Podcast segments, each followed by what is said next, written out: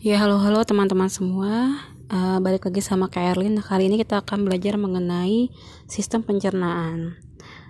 Apa itu sistem pencernaan? Kita akan bahas Kemudian zat makanannya seperti apa Organ pencernaannya apa aja Dan bagaimana sih uh, Dalam organ tersebut Kelenjar-kelenjar atau Enzim-enzim um, yang berpengaruh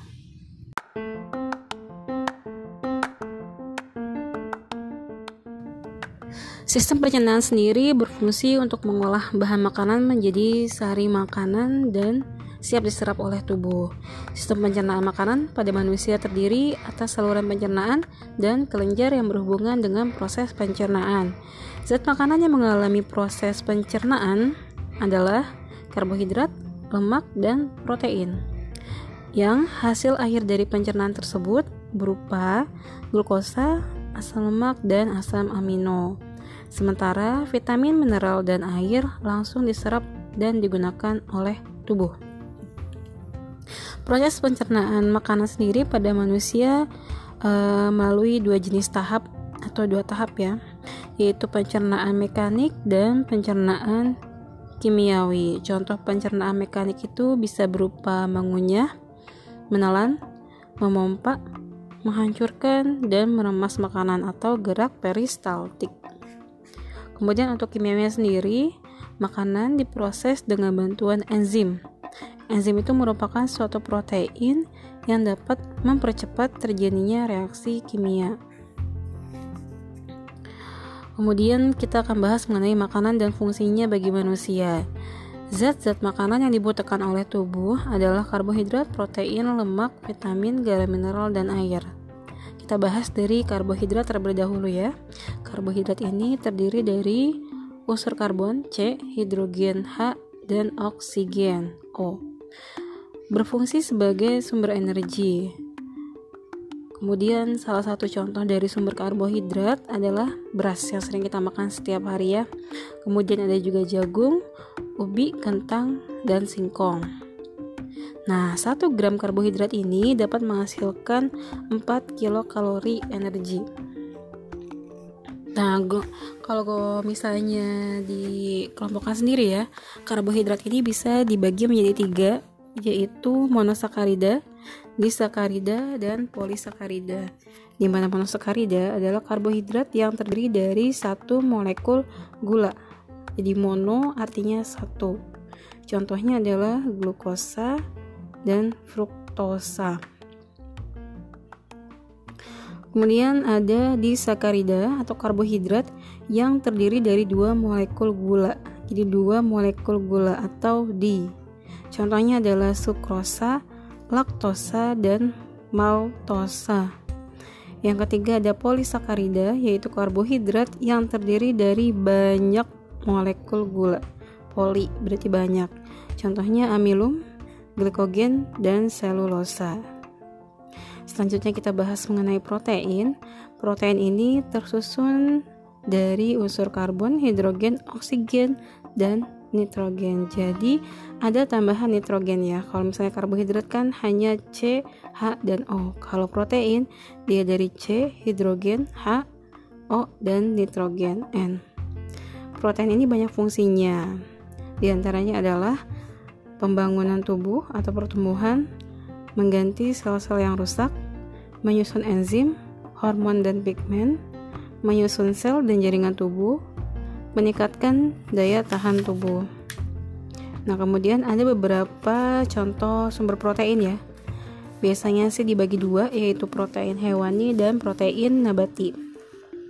Protein hewani contohnya dia ada di makhluk hidup uh, hewan ya ada daging, ikan, telur, keju. Kemudian yang nabati dia banyak di tumbuhan. Misalnya kacang kedelai, kacang tanah, dan kacang hijau. Nah, contoh makanan hasil olahan kacang kedelai ini kan seperti tahu dan tempe. Tuh. Kalau karbohidrat dari 1 kg yang menghasilkan 4 kilokalori, ternyata protein pun sama. 1 gramnya menghasilkan 4 kilokalori. Tuh ya. Nah, akibat kekurangan dari protein untuk anak-anak ini dapat e, menyebabkan kwashiorkor. dan busung lapar gitu ya kemudian kita bahas juga mengenai lemak lemak terdiri dari unsur karbon hidrogen dan oksigen sama seperti karbohidrat fungsinya adalah sebagai sumber energi cadangan makanan menjaga suhu tubuh melindungi organ dalam dan pelarut vitamin A, D, E, K atau ADEK gitu jadi ada vitamin yang larut lemak namanya A, D, E, K vitamin A vitamin D, vitamin E, dan vitamin A. Kalau ada vitamin yang larut lemak, berarti ada vitamin yang larut air. Vitamin yang larut air itu ada dua, yaitu vitamin B dan vitamin C. Itu ya. Bedanya apa? Vitamin yang larut lemak ini dia kerjanya akan semakin baik jika makannya bersamaan dengan minyak atau yang mengandung lemak gitu ya nah kalau misalnya misalnya vitamin yang larut air dia biasanya nanti akan langsung terbuang oleh tubuh jika berlebihan dikonsumsinya gitu, pada tahap tertentu Beda dengan protein dan karbohidrat, 1 gram lemak ini nanti akan menghasilkan energi sebanyak 9 kilokalori. Nah, sumber lemak juga ada hewani dan nabati. Untuk hewaninya dia di daging, susu, telur, dan mentega. Untuk nabatinya, dia biasanya kita ambil dari kelapa, kemiri, kacang, alpukat, ataupun minyak yang sering kita konsumsi, minyak sayur yang sering kita konsumsi. Nah, lemaknya jika dipecah, dia akan menjadi dua, yaitu asam lemak dan gliserol. Kalau protein, dia ada berbagai macam tahap ya sebelum diserap oleh tubuh. Protein nanti dibantu oleh pepsin, enzim pepsin, dia akan dipecah menjadi pepton. Dan pepton ini nanti akan dipecah menjadi asam amino dibantu oleh tripsin baru nantinya akan diserap oleh tubuh. Itu kemudian vitamin setelah tadi disebutkan ada dua macam vitamin yaitu vitamin yang larut dalam air dan vitamin yang larut dengan lemak. Nah, vitamin juga itu diperlukan dalam tubuh dalam jumlah yang sedikit gitu ya. Nah, sebagai apa sih fungsinya? Vitamin ini berfungsi sebagai biokatalisator, yaitu membantu mempercepat reaksi-reaksi zat dalam tubuh. Tuh, tadi kan vitamin udah banyak, ada A, B, C, D, E, K gitu ya. Selain itu ada garam-garam mineral. Sama seperti protein, sama seperti uh, vitamin ya. Garam-garam mineral ini juga diperlukan dalam jumlah yang sedikit dalam tubuh. Nah, tiap unsur garam mineral ini memiliki fungsi tertentu dalam tubuh, seperti contohnya besi atau penulisan kimianya Fe. Dia berfungsi sebagai pembentukan sel darah merah atau hemoglobin. Sumbernya dapat didapat melalui hati, telur, daging, kacang, dan sayuran. Nah, kalau defisiensi atau kekurangan bisa menyebabkan anemia. Kemudian kalsium. Kalsium ini punya fungsi membantu pembekuan darah dan pembentukan tulang. Sumbernya bisa diperoleh dari susu, keju, ikan, telur, dan sayuran berwarna hijau. Akibatnya, jika kekurangan kalsium, bisa terjadi kejang otot, gangguan otot, dan darah sukar membeku. Kemudian yodium. Nah, yodium atau penulisan ilmiahnya adalah I. Ini fungsinya untuk membentuk hormon tiroksin. Sumbernya uh, dapat berupa garam beriodium, ikan, dan makanan laut. Kalau misalnya defisiensi atau kekurangan, dia dapat menyebabkan penyakit gondok.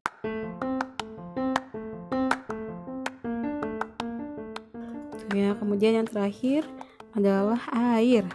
Nah, air ini merupakan komponen terbesar penyusun protoplasma itu atau sel. Berat tubuh manusia 60%-nya merupakan air. Fungsinya ada apa aja?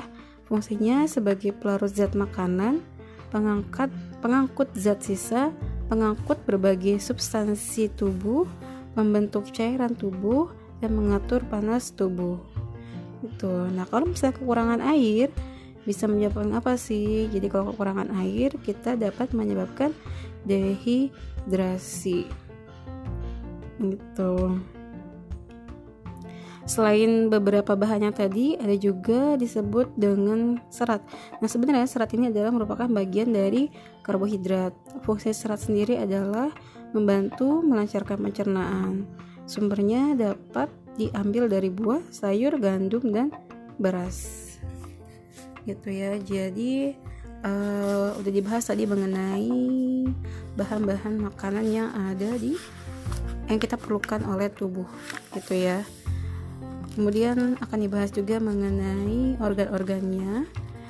Yang pertama untuk saluran pencernaan. Ada rongga mulut yang terdiri atas lidah dan gigi. Kemudian dilanjutkan ke esofagus atau kerongkongan. Nanti masuk ke dalam lambung kemudian masuk usus halus. Usus halus ini terdiri atas tiga ya. Ada usus 12 jari atau duodenum. Jadi panjangnya itu cuma sepanjang 12 jari. Kemudian ada usus kosong atau jejunum dan terakhir ada usus penyerapan atau ileum. Gitu ya.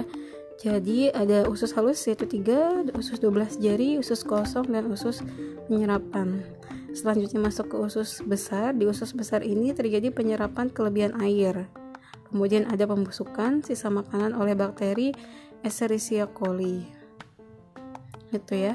Selanjutnya nanti disimpan di rektum kemudian dikeluarkan melalui anus gitu. Jadi feses yang terbentuk pada usus besar akan masuk ke rektum. Secara peristaltik akan dikeluarkan melalui anus gitu ya. Nah, proses pengeluarannya ini disebut dengan proses defekasi. Gitu ya. Kalau kemarin kita belajar sistem ekskresi dan kalau defekasi dia adalah pengeluaran pengeluaran zat sisa dari makanan yang kita makan.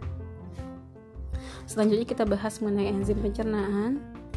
Enzim pencernaan menurut menurut tempatnya itu bisa disingkat ya kalau di mulut yang paling terkenal adalah enzim amilase atau enzim ptialin yang fungsinya untuk memecah pati atau amilum ya.